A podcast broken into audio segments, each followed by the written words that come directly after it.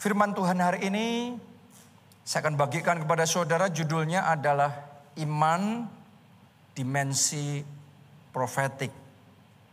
Kita akan belajar tentang yang namanya profesi. Yang namanya nubuatan. Kita baca di dalam Lukas 1 ayat yang ke-45. Ditulis begini, dan berbahagialah ia. Dalam Alkitab bahasa Inggrisnya berbahagia ini ditulis sebagai blessed. Artinya diberkati. Saya percaya jemaat di tempat ini orang-orang yang diberkati. Orang-orang yang berbahagia, oke? Okay? Seperti apa orang yang diberkati, yang berbahagia? Ditulis begini. Berbahagialah ia yang telah percaya. Semuanya katakan telah percaya. Lebih keras lagi katakan telah percaya. Bukan akan percaya.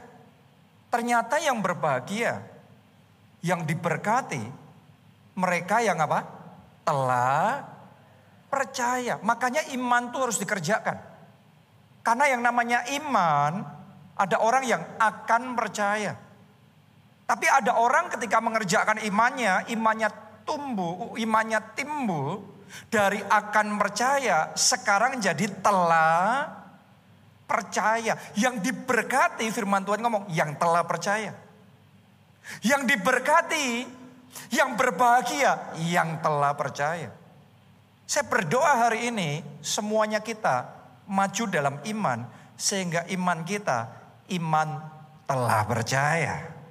Oke? Yang telah percaya sebab apa yang akan dikatakan kepadanya dari Tuhan akan terlaksana. Apa yang dikatakan kepadanya itu artinya nubuatan. Saya mau ngomong sama saudara sepanjang firman Tuhan ini. Saya akan menyampaikan perkataan-perkataan yang saya percaya berasal dari Tuhan. Dan kalau Anda telah percaya, maka perkataan-perkataan yang akan dikatakan akan terlaksana. Saya berdoa kesembuhan jadi dalam tubuh saudara. Saya berdoa pertolongan datang dalam hidup saudara. Saya berdoa pintu-pintu terbuka dalam hidup saudara. Terjadilah sesuai imanmu. Boleh katakan amin. Kita kasih tepuk tangan yang meriah buat Tuhan kita. Jadi yang namanya nubuatan itu adalah pernyataan dari apa yang ada di pikiran Tuhan tentang kita. Saya bicara tentang nubuatan untuk pribadi kita masing-masing. Pernyataan apa yang ada di pikiran Tuhan tentang kita. Bisa juga tentang keluarga kita. Tentang kota kita, tentang bangsa kita, tentang dunia kalau kita percaya apa yang diperkatakan oleh Tuhan, tadi ditulis telah percaya, maka apa yang diperkatakan itu akan terjadi. Untuk itu akan terjadi, harus telah percaya. Itu hukum dalam nubuatan. Yesaya 46 ayat 9 sampai 10. Ingatlah hal-hal yang dahulu dari sejak purbakala. Bahwasanya akulah Allah dan tidak ada yang lain. Akulah Allah dan tidak ada yang seperti aku yang memberitahukan dari mulanya hal yang apa? Kemudian. Jadi dari awal sudah dikasih tahu apa yang akan terjadi, yang kemudian akan terjadi. Ini profesi. Ini nubuatan. Dan dari zaman purbakala apa yang belum apa? Terlaksana. Jadi belum terlaksana. Kesembuhannya mungkin belum terlaksana. Berkatnya mungkin belum datang. Jawaban doa saudara mungkin belum Anda alami. Tapi sudah diperkatakan terlebih dahulu. Itu perkataan nubuatan, itu prophetic declarations. Ya, lanjutkan kalimat terakhir ini menarik sekali. Yang berkata, keputusanku akan sampai dan segala kehendakku akan kulaksanakan. Saya mau katakan sama saudara, kesembuhanmu sampai sekarang. Oh yang nangkep itu terjadilah di dalam hidup saudara. Amin. Berkatmu sampai sekarang. Mujizatmu sampai sekarang. Karena ketika Tuhan memperkatakan dan kita percaya, maka keputusan dari Tuhan nyampe. Oke, sampai di satu titik, mungkin butuh waktu, tapi sampai. Sampai di satu titik terlaksana. Sampai di satu titik terjadi. Saya berdoa pemulihan pernikahan saudara terjadi. Saya berdoa kedamaian di dalam keluarga saudara terlaksana. Amin. Walaupun mungkin rasanya kayak kayak neraka. Rasanya isinya pertengkaran, perselisihan. Tapi saya mau deklarasikan pemulihan keluarga terjadi dalam hidup saudara, anggur baru, cinta dari Tuhan dicurahkan dalam pernikahan saudara. Boleh katakan amin. Kita kasih tepuk tangan yang paling meriah buat Tuhan kita. Jadi ini bicara tentang nubuatan dan nubuatan itu powernya besar sekali.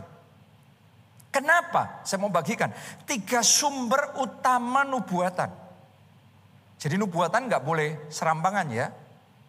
Tiga sumber utama nubuatan. Nomor satu, Alkitab.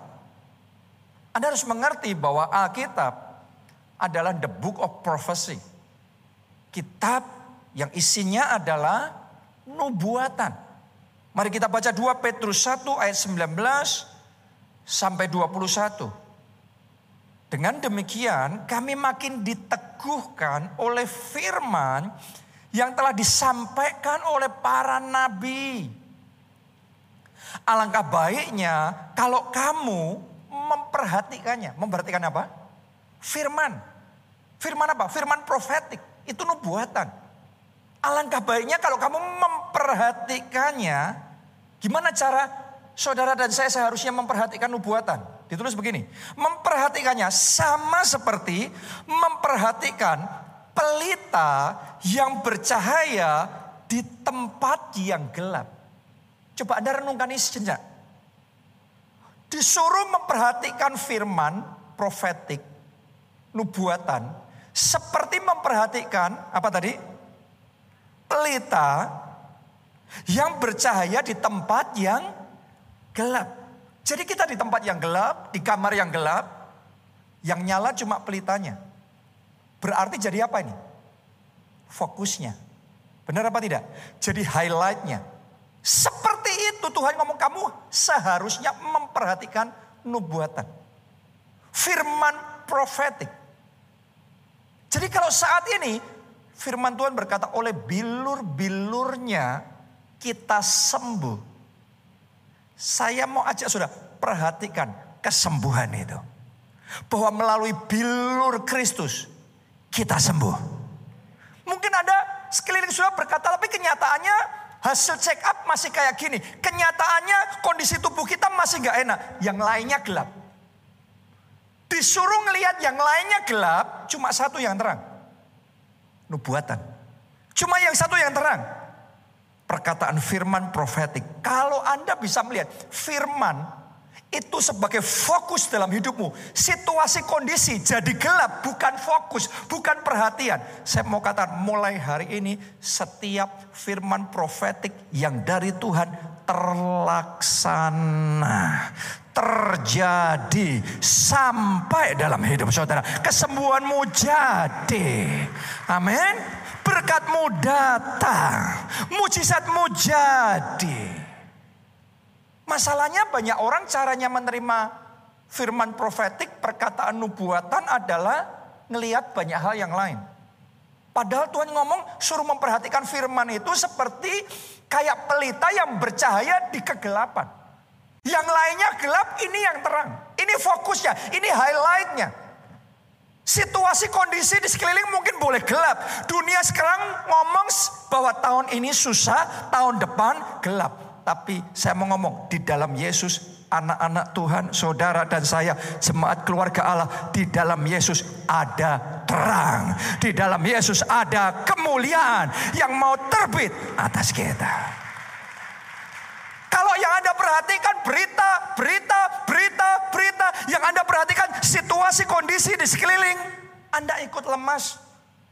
Lemas sama berita resesi, lemas sama berita krisis. Tapi kalau Anda memperhatikan firman, bangkitlah. jadilah terang. Kenapa? Sebab terangmu terbit dan kemuliaannya nyata atasmu. Doa saya ini highlightnya, ini yang jadi perhatiannya, ini yang jadi fokus utama. Dan kalau Anda percaya memperhatikan firman profetik seperti itu, maka firman itu sampai dalam hidup saudara. Firman itu terlaksana dan jadi dalam hidup saudara. Amin. Jadi perhatikan itu. Saya mau katakan ada orang-orang di tempat ini yang mengalami jalan buntu dalam hidupnya. Tapi saya deklarasikan saat ini juga pintu-pintu terbuka dalam hidup saya. Mulai hari ini Tuhan yang akan membawa saudara tetap naik dan tidak turun. Walaupun selama ini Anda turun terus, tapi tangannya akan mengangkat saudara. Dia akan bawa Anda tetap naik, tidak turun, bahkan terbang tinggi bagaikan Raja Wali. Amin. Jadi perhatikan firman Tuhan seperti pelita yang bercahaya di tempat yang gelap. Lanjutkan. Lanjutkan ayat tadi.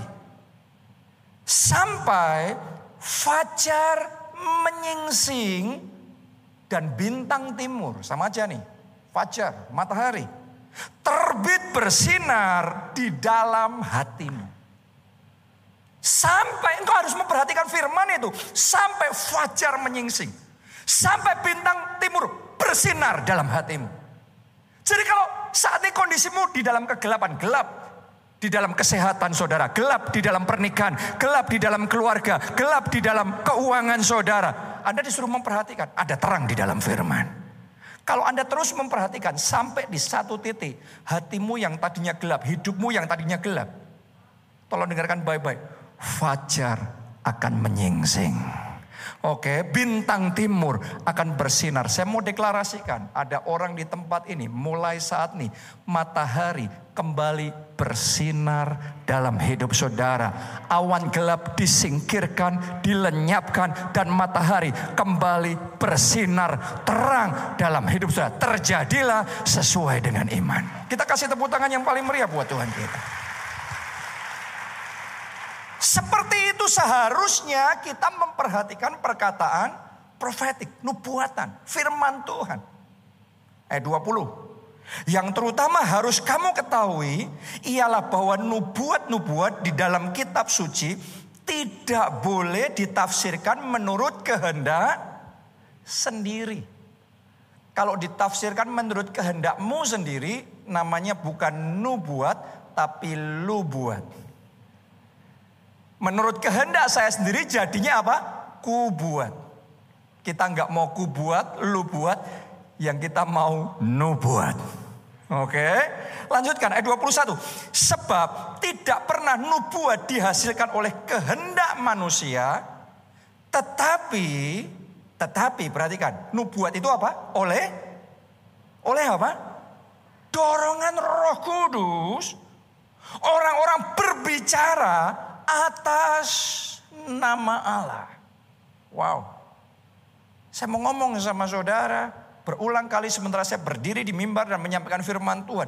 Ada dorongan-dorongan di dalam hati saya menyampaikan perkataan-perkataan nubuat bukan oleh kehendak saya, tetapi itu harus oleh dorongan siapa?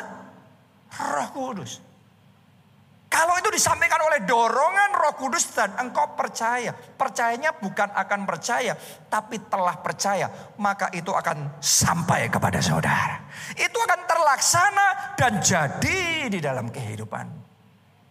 Jadi hari ini Anda harus ngerti bahwa yang namanya perkataan nubuat itu berasal dari firman Tuhan, dari Alkitab. Alkitab itu powerful sekali. Kalau Anda ngerti, Alkitab ini source of prophecy. Alkitab ini ada sumber dari nubuatan. Maka ini harta karun yang tidak ternilai harganya. Anda butuh, nasibmu berubah. Sumbernya ada di dalam firman Tuhan. Yang percaya boleh katakan amin saudaraku. Anda butuh masa depan gilang gemilang. Semuanya ada di dalam firman Tuhan. Kalau Anda memperhatikan firman, makanya kita mau berbahagialah orang yang kesukaannya ialah Taurat Tuhan, firman Tuhan. Dan yang merenungkannya siang dan malam. Seperti tadi itu. Disuruh memperhatikan firman seperti pelita yang bercahaya di tengah kegelapan. Kalau Anda terus lakukan itu, sampai di satu titik, fajar akan menyingsing. Sampai di satu titik, bintang timur akan bersinar di dalam hatimu. Kalau Anda punya kesukaan seperti itu, Anda orang yang diberkati oleh Tuhan. Anda orang yang berbahagia karena kau melihat, Mazmur satu itu ya, yang kesukaannya ialah firman Tuhan. Apa saja yang dikerjakannya berhasil. Pas saya ngomong begini, saya rasakan roh kudus taruh di hati saya. Ada orang yang ngalaminya kegagalan terus. Tapi hari ini engkau tangkap firman Tuhan.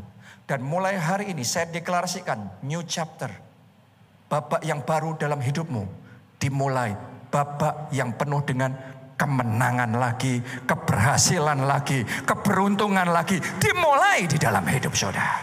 Jadi itu seturut iman saudara. Amin. Haleluya.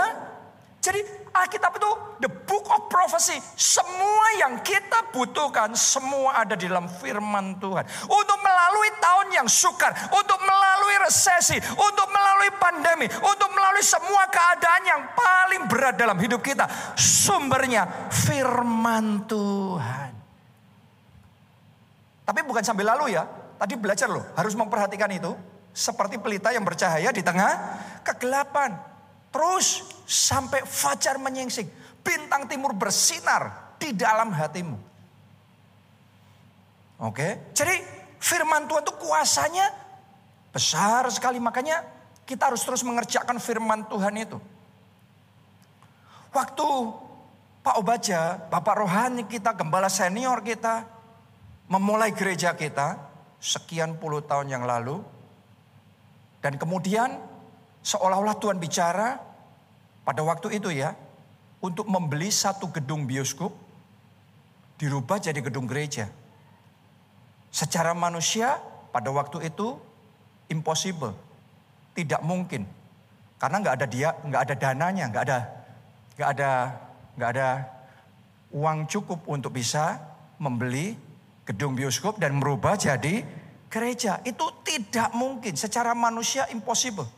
Makanya Pak baca mandu, maju mundur, maju mundur, maju mundur. Tapi di situ ketika Anda dalam kondisi maju mundur, yang Anda butuhkan adalah firman Tuhan. Yang Anda butuhkan adalah kerja, mencari Tuhan, menggali firman sampai Tuhan kasih rema bagi saudara. Sampai Tuhan kasih satu perkataan profetik dalam hidup saudara. Karena kalau saudara dapat perkataan profetik dari Tuhan, dapat rema dari Tuhan, satu rema dari Tuhan, jaminan bagi saudara. Dan sementara Pak Obaja di dalam keraguannya mulai menggali firman, menggali firman. Orang menggali firman itu, kayak tadi memperhatikan firman itu kayak orang menggali firman. Seperti kayak orang menggali tanah, satu meter, dua meter, tiga meter, nggak dapat. Airnya belum muncul. 4 meter, 5 meter, baru sekian meter, 7 meter, mungkin 10 meter, mungkin daerah tertentu 15 meter. Sampai di titik tertentu air muncul. Kerja firman tuh gitu. Itu saya sebut kerja firman. Kalau Anda sukanya kerja firman begitu. Begitu air muncul, tadinya kering. Hidupmu jadi basah dengan berkat Tuhan. Kau baca kerja firman sampai rema muncul. Tuhan ngomong, aku akan mengadakan apa yang tidak ada jadi ada. Begitu dapat satu rema itu, tangkap dia. Dan dia percaya, dia melangkah dengan iman. Dan sementara dia melangkah dengan iman, kuasa Allah bekerja. Dan ketika kuasa Allah bekerja, benar-benar yang tidak ada, jadi ada. Gedung bioskop itu terbeli, berubah jadi gedung gereja, dan di situ dimulai kegerakan. Dan hari ini kita bisa ada sebagaimana kita ada sekarang, termasuk tempat ini juga bisa ada. Sebagaimana kita ada sekarang, karena kegerakan yang dimulai pada waktu itu, satu rema dari Tuhan, aku akan mengadakan yang tidak ada jadi ada. Pas saya ngomong begini, sekali lagi ada dorongan roh kudus di hati saya. Ada orang-orang di tempat ini. Saudara ngomong ini tidak ada. Nggak ada modal Tuhan. Nggak ada kenalan Tuhan. Nggak ada akses Tuhan. Tapi hari ini Tuhan juga mau ngomong sama saudara. Aku akan mengadakan yang tidak ada jadi ada. Dan Anda akan melihat hidupmu dibuat indah oleh Tuhan. Tepuk tangannya yang lebih meriah buat Tuhan. Yang membuat indah hidup kita. Karena itu saya ajak saudara kerja firman. Coba semuanya katakan kerja firman. Lebih keras lagi katakan aku mau kerja firman. Baca Alkitab saudara tiap hari. Ikut som. Saudara tanya sama sekretariat kapan som baru dimulai. Saudara ikut som. Ikut pendalaman Alkitab di gereja kita. Di situ ada kerja firman, belajar firman. Dan sementara Anda kerja firman, banyak orang nggak ngerti. Dipikirnya kerja firman terus ngantuk. Itu orang yang nggak ngerti. Sementara baca firman pikirannya mengembara ke mana-mana. Padahal Tuhan ngomong terhadap firman, kamu harus memperhatikan seperti pelita yang percaya di tengah kegelapan. Yang lain gelap, fokusnya cuma firman. Anda kalau dapat seperti itu, fajar akan menyingsing dalam hidup saudara. Yes. Kerja firman yang benar, maka engkau akan berbahagia maka hidupmu akan diberkati oleh Tuhan. Kerja firman. Kerja firman. Saat ini juga saya rasakan dalam hati saya. Ada yang di tubuhnya ada benjolan. Daging tumbuh tidak normal yang seharusnya ada. Saat ini di dalam nama Yesus. Saat ini juga seketika ini juga lenyap. Dan terima kesembuhan saudara. Amin. Itu yang pertama. Yang kedua, sumber Nubuatan yang kedua adalah perjumpaan pribadi dengan Tuhan. Oke, jadi ada orang-orang yang menerima nubuatan ketika dia mengalami perjumpaan pribadi dengan Tuhan. Di situ Tuhan ngomong sesuatu tentang hidupnya. Di situ Tuhan menyatakan rencana Tuhan atas hidupnya. Melalui apa? Perjumpaan pribadi dengan Tuhan itu yang dialami oleh Abraham. Kita baca di dalam kejadian 12 ayat 1 sampai ayat yang ketiga. Berfirmanlah Tuhan kepada Abraham, Pergilah dari negerimu dan dari sana saudaramu dan dari rumah bapamu ini ke negeri yang akan kutunjukkan kepadamu. Aku akan membuat engkau menjadi bangsa yang besar dan memberkati engkau serta membuat namamu masyur dan engkau akan menjadi berkat. Aku akan memberkati orang-orang yang memberkati engkau dan mengutuk orang-orang yang mengutuk engkau dan olehmu semua kaum di muka bumi akan mendapat berkat. Ini adalah perkataan nubuatan dari Tuhan.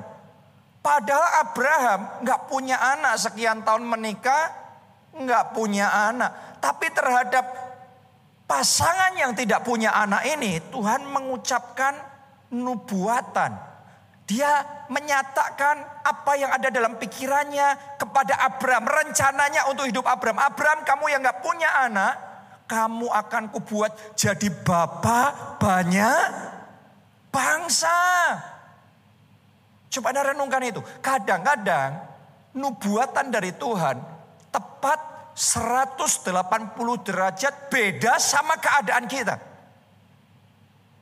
Jadi buat keadaan saudara yang saat ini tidak berdaya, saya mau sampaikan deklarasi profetik. Anda pahlawan yang gagah perkasa. Anda kuat oleh kuasa Tuhan. Amin. Anda yang saat ini terbatas. Secara finansial mungkin Anda sangat kekurangan, sangat terbatas. Tapi saya mau deklarasikan in the name of Jesus. Di dalam nama Yesus. You are blessed. Engkau orang yang diberkati. Haleluya. Itu yang Tuhan katakan sama Abraham. Dan Abraham menerima nubuatan itu ketika Tuhan menunjukkan dirinya, menampakkan dirinya kepada Abraham. Saya berdoa, saudara di tempat ini dibawa sama Tuhan mengalami pengalaman spiritual, perjumpaan langsung dengan Tuhan. Mungkin bisa jadi waktu engkau di kamar sendirian berdoa dan kemudian Tuhan menampakkan dirinya sama saudara. Mungkin bisa saja saat Anda tidur malam nanti melalui mimpi seperti Tuhan menampakkan diri kepada Yusuf, Tuhan juga bisa menampakkan diri kepada saudara. Yes, Allah kita tidak berubah dulu, sekarang sampai selama-lamanya. Dan yang pasti kalau Tuhan menampakkan diri sama kita, kalau kita mengalami perjumpaan sama Tuhan, hidup kita tidak mungkin sama lagi. Sesuatu pasti berubah. Abraham yang tadinya tidak punya anak. Dia pikir ya sudah sampai di situ garis keturunannya. Orang yang dalam keadaan begitu ketika ketemu Tuhan. Destininya berubah. Destininya jadi besar. Nasibnya jadi bapak banyak bangsa. Wow. Destinimu hari ini berubah. Masa depanmu diperbesar. Lompatan dan terobosan besar Tuhan kerjakan dalam hidup saudara. Amin.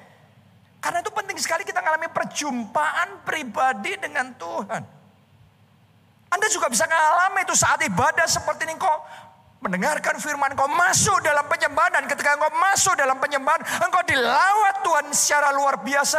Engkau bercucuran dengan air mata orang di sampingmu mungkin ngantuk tapi engkau yang terima perjumpaan pribadi dengan Tuhan dan hidupmu yang diubahkan. Very possible anda masih ingat kisah ketika Tuhan menampakkan diri sama Saulus dan Tuhan bicara sama Saulus yang di kiri kanannya nggak dengar perkataan Tuhan tapi Saulus dengar saya berdoa hari ini Anda dengar perkataan Tuhan Amin. Jangan pedulikan yang lain-lainnya. Saudara perhatikan firman Tuhan. Karena satu saja nubuatan perkataan profetik dari Tuhan. Itu game changer di dalam hidup kita. Saya ingat sekian puluh tahun yang lalu ketika saya masih remaja. Istri saya Pastor Nita masih remaja. Dalam ibadah seperti ini. Waktu itu dalam suasana KKR pencurahan roh kudus. Terus kemudian kita semua terima lawatan Tuhan. Dia ngalami lawatan Tuhan. Waktu itu kalau nggak salah di balkon ya. Di balkon di gereja kita di Solo pada waktu itu. Dia rebah, dilawat oleh Tuhan dan kemudian sampai malam. Sampai malam.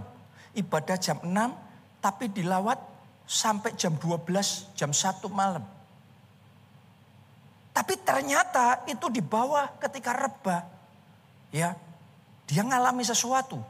Dalam roh dibawa Tuhan ke surga. Secara tubuh dia rebah. Kita semua nggak ngerti apa yang terjadi. Tapi rebah. Oke.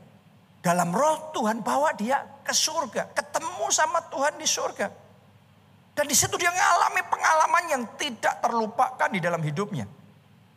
Dan salah satu pengalamannya yang dia alami dikasih sama Tuhan kayak Alkitab, kayak gulungan kitab gitu. Itu pengalaman spiritual yang susah untuk dijelaskan secara manusia. Tapi sejak saat itu, sering kali di dalam doanya muncul itu gulungan kitab terbuka. Terus di situ ada kata-katanya. Pada waktu itu dia masih Kristen baru. Jadi dia belum hafal dengan Alkitab. Dia baca itu gulungan kitab dalam roh ya. Dalam roh dia melihat gulungan kitab kata-katanya. Terus dia ambil Alkitab secara jasmani. Dia buka tepat persis sama dengan Alkitab jasmani. Apa yang dilihat di dalam spirit itu. Muncul berulang kali kayak gitu. Dan sejak saat itu Tuhan kasih kepekaan dalam roh secara luar biasa. Sejak saat itu kalau berdoa, kalau melayani orang dekat saja tiba-tiba terbuka ngelihat pegang tangan orang tiba-tiba ngelihat hidupnya seperti ini, seperti itu dan seterusnya. Dan sejak satu hal-hal yang ajaib terjadi dalam hidupnya. Saya mau ngomong sama saudara sekali lagi, pengalaman spiritual akan menjadi game changer di dalam hidup kita. Pengalaman spiritual berjumpa sama Tuhan. Orang kalau ketemu sama Tuhan, hidupnya nggak bisa sama lagi. Hidupnya akan diperbesar. Makanya ulang tahun gereja kemarin, lapangkan tempat kemahmu, bentangkan tenda kediamanmu. Salah satu saudara bisa melapangkan hidup, membentangkan hidup saudara adalah kalau Anda berjumpa pribadi dengan Tuhan. Hari ini saya berdoa, semua kita di tempat ini nggak cuma datang ke gereja. Karena banyak orang datang ke gereja hidupnya nggak berubah. Doa saya Anda sementara datang ibadah di tempat ini. Engkau berjumpa pribadi dengan Tuhan. Itu yang akan mengubah hidupmu. Tidak sama lagi. Itu akan memperbesar destinimu. Masa depanmu di dalam Tuhan. Amin. Haleluya. Saya juga ngalami perjumpaan pribadi sama Tuhan di momen-momen yang di tahun-tahun pada waktu remaja saya ya, kita mirip pada waktu itu. Saya ini anak pendeta. Tapi saya dulu tidak mau jadi pendeta. Sejak kecil saya cita-citanya jadi pengusaha. Terus kemudian ada beberapa hamba Tuhan datang dan kemudian menyampaikan nubuatan kepada saya. Biasanya orang kalau didoakan dan dinubuatin oleh hamba Tuhan happy. Benar nggak? Ya. Tapi saya waktu itu nggak happy, saya marah. Kenapa? Karena nubuatannya nggak cocok sama keinginan saya. saya mau jadinya pengusaha yang sukses. Bisnismen yang sukses. Tapi beberapa hamba Tuhan bahkan dari luar negeri yang nggak tahu saya, nggak ngerti uh, apa seperti apa, tapi kemudian bisa menubuatkan bahwa Tuhan panggil saya jadi hamba Tuhan. Saya waktu itu nggak bisa terima. Sampai di satu titik, pada waktu itu saya ada di kamar dan membaca satu buku. Bukan masalah bukunya, bukunya juga biasa-biasa aja. Tapi entah gimana saat saya baca buku, buku rohani sih. Tiba-tiba di kamar itu saya merasakan kayak ada kehadiran ada kehadiran sosok yang tidak kelihatan tapi saya tahu kayak tiba-tiba saja atmosfer ruangan itu berubah total. Dan saya tidak bisa jelaskan secara manusia. Isinya cuma nangis dan nangis dan saya bukan tipe orang yang gampang menangis. Saya tipe orang yang sangat logika sekali. Tapi pada waktu itu tanpa didoakan orang cuma saya sendiri. Padahal cuma baca buku. Ketika saya merasakan kehadiran sosok pribadi itu, saya bisanya cuma nangis dan nangis dan nangis dan di situ entah gimana saya nggak dengar suara secara audible, tapi di dalam hati saya saya tahu Tuhan panggil saya jadi hamba Tuhan. Dan di situ momen saya serahkan hidup saya sama Tuhan. Dan sejak saat itu saya bisa melihat bagaimana campur tangan Tuhan begitu nyata dalam hidup saya. Di mana pun saya berada, saya melihat selalu ada penyertaan tangan Tuhan yang ajaib. Saya berdoa mulai hari ini penyertaannya yang ajaib nyata dalam hidup saudara.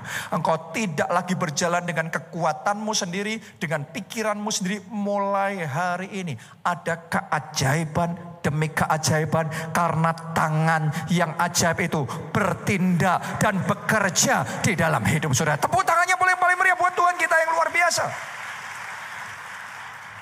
Itu sebabnya di gereja kita ada yang namanya retreat encounter. Retreat encounter, encounter itu perjumpaan, perjumpaan pribadi sama Tuhan. Jadi dalam retreat ini sangat banyak orang yang dijamah Tuhan, dilawat Tuhan, ngalami perjumpaan pribadi sama Tuhan dan hidupnya diubahkan secara signifikan, secara radikal. Ya saya nggak tahu kapan jadwalnya retreat encounter, tapi Anda nanti boleh tanyakan di sekretariat gereja kita, cepat daftar karena biasanya kalau kita buka retreat encounter dibuka langsung full pendaftaran, orang harus nunggu untuk kloter berikutnya. Jadi lebih baik saudara store nama dulu, daftar dulu ya supaya Anda pastikan dapat tempatnya di situ. Doa saya, hidup saudara diubahkan ketika engkau mengalami perjumpaan dengan Tuhan. Amin. Itu yang kedua, yang ketiga.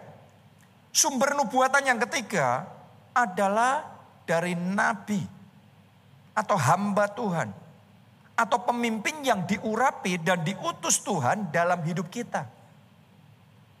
Kita baca 2 Tawarik 20 ayat 14 sampai 17. Ini adalah kisah ketika Raja Yosafat sedang diserang oleh tiga laskar besar sekaligus yaitu Bani Moab, Bani Amon dan pasukan orang Meonim. Menyerbu dan siap menghabisi mereka.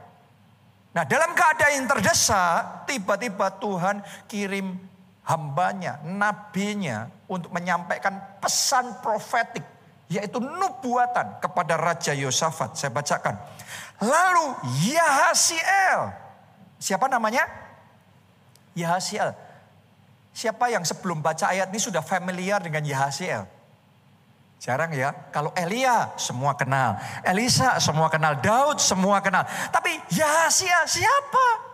Saya mau ngomong sama saudara, Tuhan bisa pakai siapa saja. Hamba Tuhan terkenal, hamba Tuhan tidak terkenal untuk menyampaikan pesannya kepada kita. Karena semua cuma hamba. Sumbernya siapa? Tuhan. Tuhan sumbernya. Dan Tuhan pakai Yahasiel bin Sakaria bin Benaya bin Matanya. Seorang Lewi dari Bani Asaf. Dihinggapi roh Tuhan di tengah-tengah jemaah. Dan berseru. Nah ini menyampaikan nubuatan ya, pesan profetik. Camkanlah hai seluruh Yehuda dan penduduk Yerusalem dan Tuanku Raja Yosafat. Beginilah firman Tuhan kepadamu ini nubuatan, ini pesan profetik. Janganlah kamu takut dan terkejut karena laskar yang besar ini. Sebab bukan kamu yang akan berperang, melainkan Allah. Oke, besok haruslah kamu turun menyerang mereka. Mereka akan mendaki pendakian Sis dan kamu akan mendapati mereka di ujung lembah di muka padang gurun Yeruel. Dalam peperangan ini tidak usah kamu bertempur. Hai Yehuda dan Yerusalem, tinggallah berdiri di tempatmu dan lihatlah bagaimana Tuhan memberikan kemenangan kepadamu. Janganlah kamu takut dan terkejut, majulah besok menghadapi mereka. Tuhan akan menyertai kamu. Oh, ada yang sedang ragu-ragu di tempat ini. Saat baca ayat ini, Tuhan sedang memberikan peneguhan kepada saudara, maju dan ketika Anda melangkah maju, Tuhan menyertai. Boleh katakan amin. Kita kasih tepuk tangan yang paling meriah buat Tuhan kita. Haleluya. Jadi dalam keadaan terdesak Tuhan urapi satu hamba Tuhan, satu orang Lewi namanya Yahya menyampaikan pesan profetik itu kepada mereka. Saya percaya bahkan saat ini ketika firman Tuhan berlangsung, Tuhan bisa mengurapi saya, Tuhan bisa mengambil alih saya, menyampaikan pesan profetik kepada saudara. Nah, mari kita lihat responnya Raja Yosafat ketika menerima pesan tersebut. Sekarang ayat yang ke-20. Keesokan harinya, pagi-pagi mereka maju menuju padang gurun Tekoa. Lihat, disuruh maju, langkahnya apa? Maju. Jangan seperti bangsa Israel generasi pertama dipimpin sama Musa. Disuruh maju, ambil alih tanah perjanjian. Tapi ragu-ragu, takut, mundur, nggak mau. Pesan profetik bisa disampaikan, tapi Anda nggak respon, Anda kehilangan. Anda bisa kehilangan loh. Buktinya itu generasi pertama, kehilangan tanah perjanjian. Tapi generasi yang kedua, mereka respon, mereka maju, dapat tanah yang sama.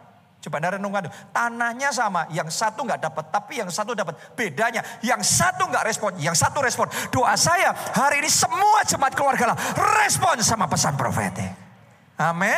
Saya berdoa semuanya tanpa terkecuali terima rencana Tuhan 100% maksimal yang dia rancangkan tergenapi dalam hidup saudara. Kita katakan amin tepuk tangan yang meriah buat Tuhan kita.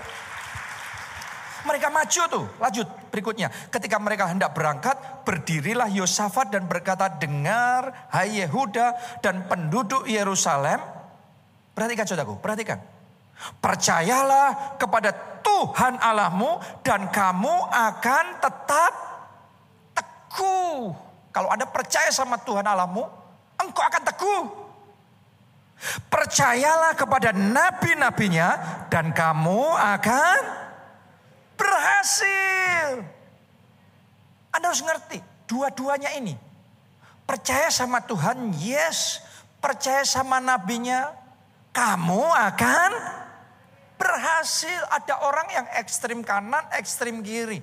Ada orang yang ngejar-ngejar hamba Tuhannya, pokok maunya dinubuatin sama hamba Tuhannya, tapi nggak sungguh-sungguh mencari Tuhannya. Sebaliknya ada orang yang nggak peduli pendeta hamba Tuhan apa itu. Aku bisa dengar sendiri dari Tuhan. Kamu tidak akan berhasil. Mesti ada dua-duanya. Percayalah kepada Tuhan, kamu akan teguh, percayalah kepada nabi-nabinya, kamu akan berhasil. Tuhan itu bekerja dalam hidup kita tidak selalu langsung sama kita. Anda lahir di dunia melalui orang tua. Benar nggak? Yang diciptakan langsung sama Tuhan adalah Adam. Jadi Tuhan itu bisa bekerja melalui orang tua, melalui keluarga, melalui teman, melalui pemimpin rohani. Melalui nabi-nabinya untuk menyampaikan pesan profetik. Dan kalau engkau percaya, engkau akan berhasil. Mulai hari ini perjalananmu akan berhasil. Perjuanganmu akan berhasil. Pekerjaanmu akan berhasil. Boleh katakan amin, amin, amin. Sekali lagi kita kasih tepuk tangan yang paling meriah buat Tuhan kita. Dan kalau nubuatan dari Tuhan, nubuatan yang dari Tuhan pasti terjadi. Yesaya 55 ayat yang ke-11. Demikianlah firmanku yang keluar dari mulutku. Ia tidak akan kembali kepadaku dengan sia-sia. Tetapi ia akan melaksanakan apa yang ku kehendaki. Dan akan berhasil dalam apa yang kusuruhkan kepadanya. Coba lihat ke depan sini. Perhatikan. Cara Tuhan cara Allah ngomong tentang firman itu bukan kayak thing, bukan kayak benda. Tapi dia ngomong tentang firman itu sebagai pribadi. Ngomongnya apa tadi itu? Ia tidak akan kembali kepadaku dengan sia-sia. Tetapi ia akan melaksanakan apa yang ku kehendaki. Dan akan berhasil dalam apa yang kusuruhkan kepadanya. Saya mau ngomong sama firman itu bukan benda. Firman itu bukan cuma alfabet. Firman itu pribadi. Pada mulanya adalah firman dan firman itu Allah sendiri. Yesus Kristus ialah firman yang turun ke dunia menjadi daging. Firman itu pribadi. Kalau Anda ngerti, Anda dapat firman, Anda dapat rema. Saya mau ngomong sama saudara, ada pribadi Allah yang bekerja dalam hidup saudara. Seperti tadi yang saya ngomong, waktu Pak baca dapat rema, Tuhan ngomong sama dia, aku akan membuat apa yang tidak ada jadi ada. Itu firman, itu rema, itu bukan cuma kata-kata biasa. Tapi ada pribadi Allah yang menyertai. Dan pribadi Allah yang menyertai, mengerjakan perkataan itu ia tidak akan kembali dengan sia-sia, tetapi ia akan berhasil. Saat ini kesembuhan jadi dalam tubuh saudara. Berkat jadi dalam hidup saudara. Saya berdoa urapan Tuhan turun dalam hidup saudara. Amin. Arahkan dua tangan saudara seperti ini. Ini tangan-tangan yang diberkati. Saya berdoa tangan-tangan yang diangkat ini. Tangan-tangan yang diberkati. Mulai hari ini tidak ada lagi kesialan. Tidak ada lagi kemalangan. Yang ada adalah keberuntungan. Adalah kemujuran. Ini tangan yang diurapi apa saja yang dikerjakan tangan-tangan ini. Dijadikan Tuhan berhasil. Katakan amin dan tepuk tangannya yang paling meriah buat Tuhan kita. Haleluya. Lanjutkan ayat berikutnya. Bilangan 23 ayat 19. Allah bukanlah manusia sehingga ia berdusta. Bukan anak manusia sehingga ia menyesal.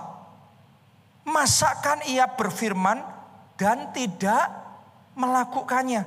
Atau berbicara dan tidak menepatinya. Kalau manusia janji sama kita, bisa janji kosong. Kenapa? Karena terus dia keberatan, dia ngerasa rugi, dia nggak mampu. Tapi Tuhan nggak kayak manusia. Dia Allah. Yang mengerti katakan amin saudaraku. Anda berurusan sama firman, Anda berurusan sama Allah. Dia bukan manusia yang harus menyesal. Dia bukan manusia yang harus berdusta. Masakan ia berfirman dan tidak melakukannya. Atau berbicara dan tidak menepatinya. Satu-satunya yang membuat firman itu tidak jadi dalam hidup kita. Bukan dari Allah. Tapi dari pihak kita. Yaitu ketidakpercayaan kita. Saya bacakan ayatnya. Satu Raja-Raja 8, sorry, Matius 13 ayat 58. Matius 13 ayat 58. Dan karena ketidakpercayaan mereka, Tidak banyak mujizat diadakannya di situ. Boleh lihat ke depan sini. Ini kisah Yesus yang datang untuk melakukan mujizat, tapi di situ orang-orangnya tidak percaya. Yesus tidak melakukan banyak mujizat, padahal dia mau melakukan banyak mujizat. Tapi tidak melakukan banyak mujizat. Kenapa? Karena ketidakpercayaan. Kalau dari tadi pesan firman dibagikan, tapi dalam hatimu yang Anda ngomong, apa iya? Masa sih? Jangan heran. Engkau nggak ngalami apa-apa. Bukan karena firman Tuhan tidak berkuasa. Tetapi karena ketidakpercayaan kita. Seringkali yang menggagalkan firman itu bukan karena firmannya. Karena ketidakpercayaan kita. Jadi mulai hari ini ketika perkataan profetik dibagikan. Percaya, berbahagialah ia yang telah percaya. Maka apa yang dikatakannya dari Tuhan akan terlaksana. Wow. Saya berdoa mulai hari ini ketidakpercayaan dalam hati kita dilenyapkan. Saya berdoa mulai hari ini kebimbangan dan keraguan disingkirkan yang ada hati yang percaya. Hati yang percaya. Dan sementara engkau percaya demonstrasi kuasa Tuhan nyata dalam hidup saudara. Ketemu tangannya yang paling meriah buat Tuhan kita. Kuncinya iman. Pertanyaannya bagaimana melatih iman kita sehingga bertumbuh makin kuat. Karena kalau firman disampaikan, tidak percaya nggak ngalami, percaya ngalami gimana iman kita percaya. Supaya yang tadi ayat pertama kita baca, telah percaya, bukan akan percaya. Iman kita sampai di level telah percaya, bertumbuh, kuat, telah percaya. Gimana caranya? Satu, belajar memperkatakan apa yang Tuhan katakan. Jadi supaya kita percaya, mulai latih perkataan kita. Jangan terbiasa ngomong yang beda sama Tuhan ngomong. Ngomong yang Tuhan ngomong. Kita baca dulu ya, 1 Petrus 3 ayat 10 sampai 11a. Siapa yang mau mencintai hidup dan mau melihat hari-hari baik. Saya, saya mau tanya sama saudara, siapa di tempat ini yang mencintai hidup dan mau melihat hari-hari yang baik dalam hidup saudara? Siapa mau 2022 akhir hari-hari yang baik? Siapa yang mau tahun depan 2023 jadi hari-hari yang baik? Ada petunjuknya. Dunia boleh gelap, tapi Anda perhatikan petunjuk ini. Silahkan dunia gelap, tapi 2023 pun akan jadi hari-hari yang baik, hari-hari yang indah, hari-hari yang menyenangkan dalam hidupmu. Tapi ada kuncinya. Ia harus menjaga lidahnya terhadap yang jahat dan bibirnya terhadap ucapan-ucapan yang menipu. Ia harus menjauhi yang jahat dan melakukan yang baik. Jadi jangan pakai lidah saudara ngomong yang jahat, ngomong yang jelek, ngomong yang negatif. Kalau engkau mau melihat hari-hari yang baik, pakai lidahmu ngomong perkataan firman Tuhan. Lihat cara Tuhan berkata-kata. Waktu dia menciptakan dunia dan isinya. Kejadian satu ayat satu. Pada awalnya bumi itu gelap gulita. Gak berbentuk. Tapi Tuhan ngomongnya apa? Jadilah terang. Lihat, ngelihatnya gelap, tapi ngomongnya bukan kok gelap. Ngelihatnya gelap, realitanya gelap, tapi Tuhan ngomong, jadilah terang. Dalam bahasa aslinya bukan jadilah terang, tapi gini, light be. Terang jadi. Dia sedang melemparkan perkataan, dia sedang Supaya firman itu melakukan apa yang diperintahkan kepadanya. Dan yang tadinya gelap kemudian jadi apa? Terang. Banyak kali kita pakai lidah kita hanya memperkatakan yang kita lihat. Yang kita lihat susah, yang kita lihat krisis, yang kita lihat resesi, yang kita lihat masalah. Kita ngomongnya masalah, susah, berat. Kalau engkau mau melihat hari-hari yang baik dalam hidupmu, Jangan pakai lidahmu hanya untuk memperkatakan yang engkau lihat. Tetapi perkatakan yang engkau ingin lihat itu terjadi. Itu yang Allah lakukan. Dia melihat gelap tapi dia maunya melihat terang. Dia ngomongnya bukan gelap. Dia ngomong light be. terang jadi. Tubuhmu sakit-sakitan, tapi ngomongnya jangan aduh tubuhku sakit-sakitan. Waduh berat. No. Mulai hari sehat. Tubuh saudara sehat. Kuat. Mulai hari mari kita deklarasikan di dalam nama Yesus aku tidak sakit lagi. Di dalam nama Yesus aku sembuh, aku sehat, aku bugar, stamina ku kuat. Itu yang firman Tuhan ajarkan. Biarlah yang tidak berdaya berkata, aku pahlawan. Padahal gak berdaya. Waktu dia ngomong pahlawan, diketawain kayak gini kok pahlawan. Tapi itu yang Tuhan ngomong. Buat kamu yang tidak berdaya, jangan ngomongnya aku nggak berdaya. Buat kamu yang susah, jangan ngomongnya susah, miskin. Yang tidak berdaya Tuhan. Ini firmannya ngomong. Katakan, aku pahlawan. Hidupku penuh dengan sukacita yang dari Tuhan. Amin. Itu cara berkata-kata seperti Tuhan berkata-kata. Yang kedua, supaya iman kita muncul, mulai bertindak seolah-olah hal itu sudah terjadi. Untuk apa? Menghayati. Kalau Anda percaya Anda sembuh, mulai rasakan kesembuhan saudara. Mulai Anda hidup sebagai orang yang sudah disembuhkan. Mulai lakukan hal-hal yang tadinya belum bisa Anda lakukan. Mulai jiwai, hayati, resapi kesembuhan di dalam Yesus itu. Jangan mulut kita ngomong sembuh, tapi di hatinya kita masih kayak ngerasanya wah sakit-sakit. No, no, no. Sembuh. Sampai di alam bawah saudara-saudara sembuh.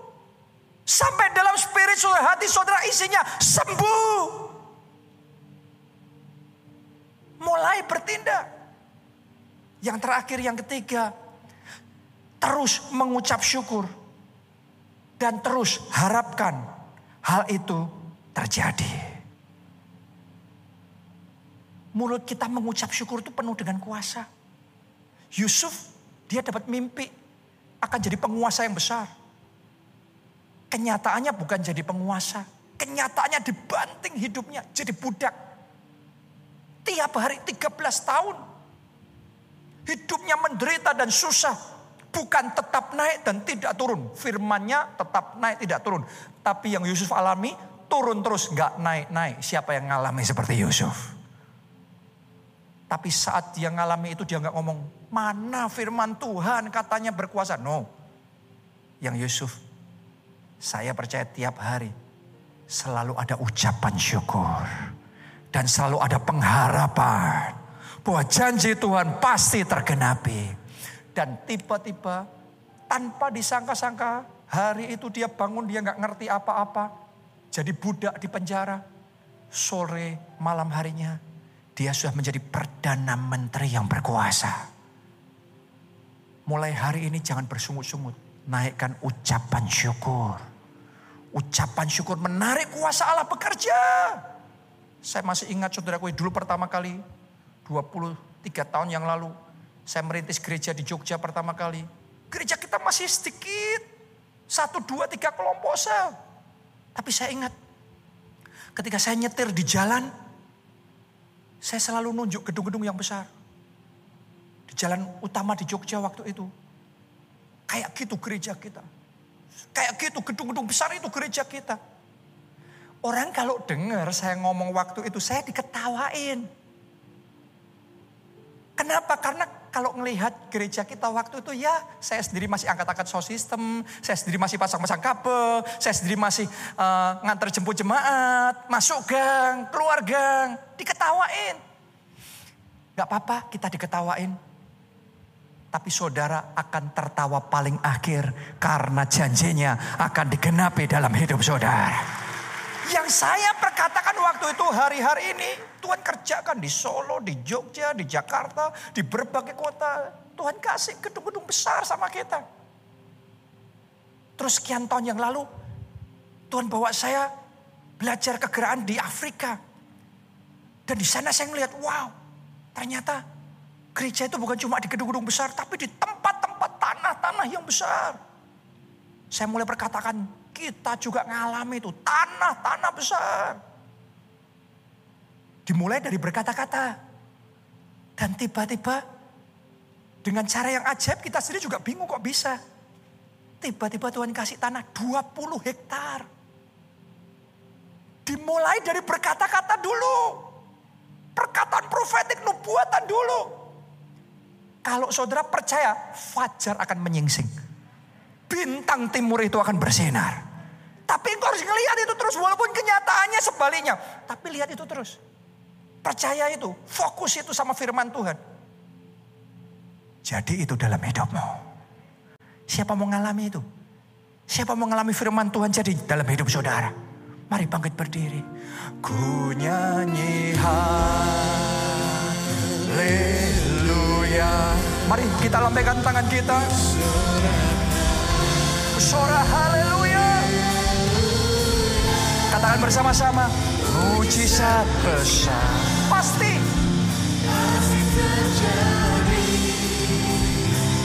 Tunggu, tunggu, tunggu. Kali ini jangan asal nyanyi lagu.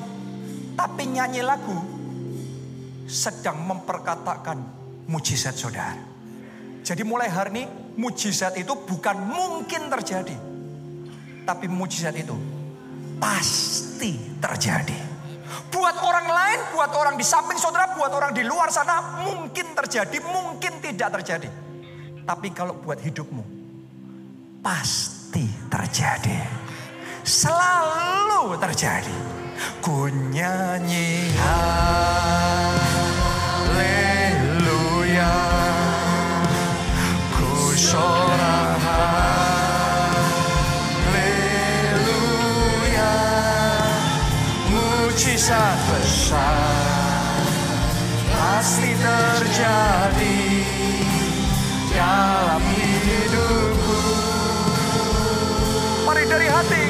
Bersama-sama. Ku nyanyi.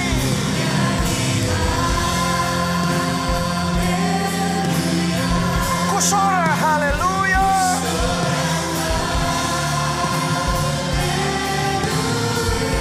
Mujizat selalu terjadi. Sekali lagi, sekali lagi. Mari dengan segenap hati, dengan iman, katakan bersama-sama. Ku nyanyi haleluya. Haleluya. Ku haleluya. Mujizat besar pasti terjadi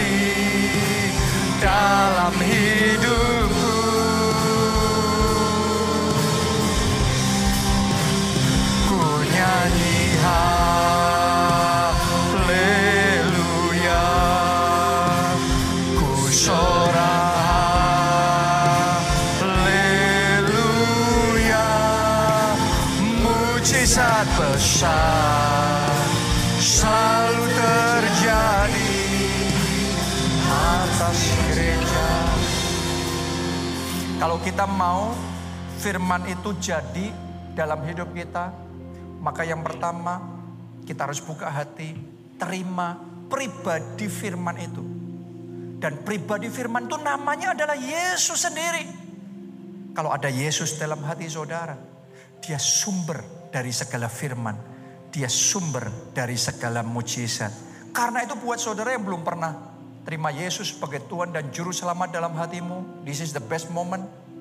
Mari buka hatimu. Undang dia masuk. Maka engkau akan menerima pengampunan dosa. Dan yang kedua engkau juga akan menerima jaminan hidup kekal selamanya di dalam kerajaan surga. Ada yang mau angkat dua tangan saudara dan ikuti doa ini. Tuhan Yesus, masuklah dalam hatiku. Jadi Tuhan dan Juru Selamatku. Ampuni dosa-dosaku. Selamatkan jiwaku. Mulai sekarang hidupku milik Yesus. Aku mau mengikut Yesus. Melayani Yesus. Seumur hidupku. Terima kasih Tuhan. Yang berikutnya, saya mau berdoa. Sungguh-sungguh mujizat itu jadi dalam hidup saudara. Tapi mulai sekarang fokus dan mulai pakai perkataan saudara untuk mengerjakan mujizat saudara. Mujizat itu buat banyak orang nunggu. Tuhan ngadain, Tuhan gak ngadain. Padahal Tuhan ngomong firman itu sudah ada dalam mulutmu. Kerjakan mujizatmu dengan cara apa? Memperkatakan firman Tuhan itu. Dengan narasi profetik saudara. Amin. Tuhan yang mengajarkan biarlah yang tidak berdaya berkata, aku pahlawan. Artinya ada yang sakit, katakan, aku sembuh. Aku sehat. Ada perkataan itu tentang suami saudara. Perkatakan suamiku dipulihkan oleh Tuhan. Suamiku dipertobatkan suami yang baik. Imam di dalam keluarga. Apa yang Anda mau terjadi. Apa yang mau Tuhan kerjakan dalam hidup saudara. Mari saat ini angkat dua tangan saudara bersama-sama. Katakan di dalam nama Yesus. Lebih kuat lagi katakan di dalam nama Yesus. Mujizat pasti terjadi. Selalu terjadi. Sekarang masing-masing berdoa. Masing-masing angkat suara berdoa. Dan berkatakan perkataan profetik. Yang Tuhan taruh dalam hati saudara. Yang tidak berdaya. Katakan aku pahlawan. Aku pahlawan.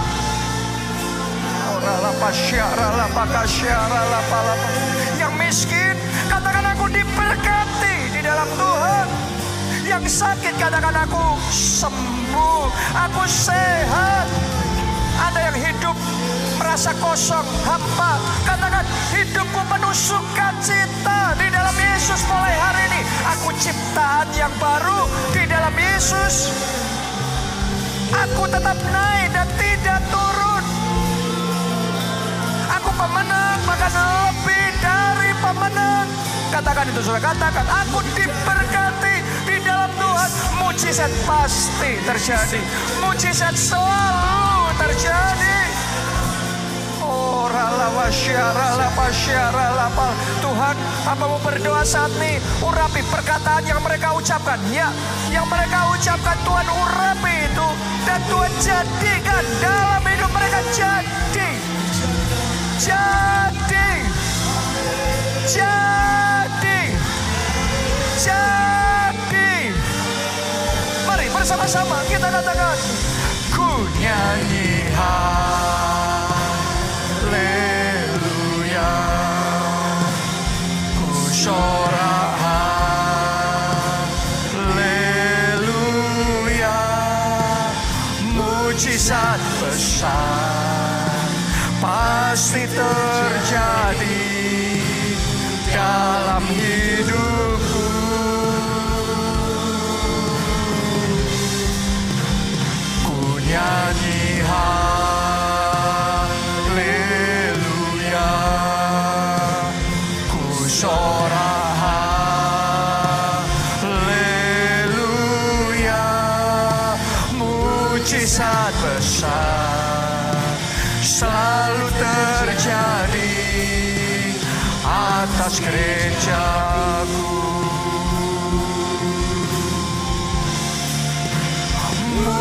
Mujizat besar pasti terjadi.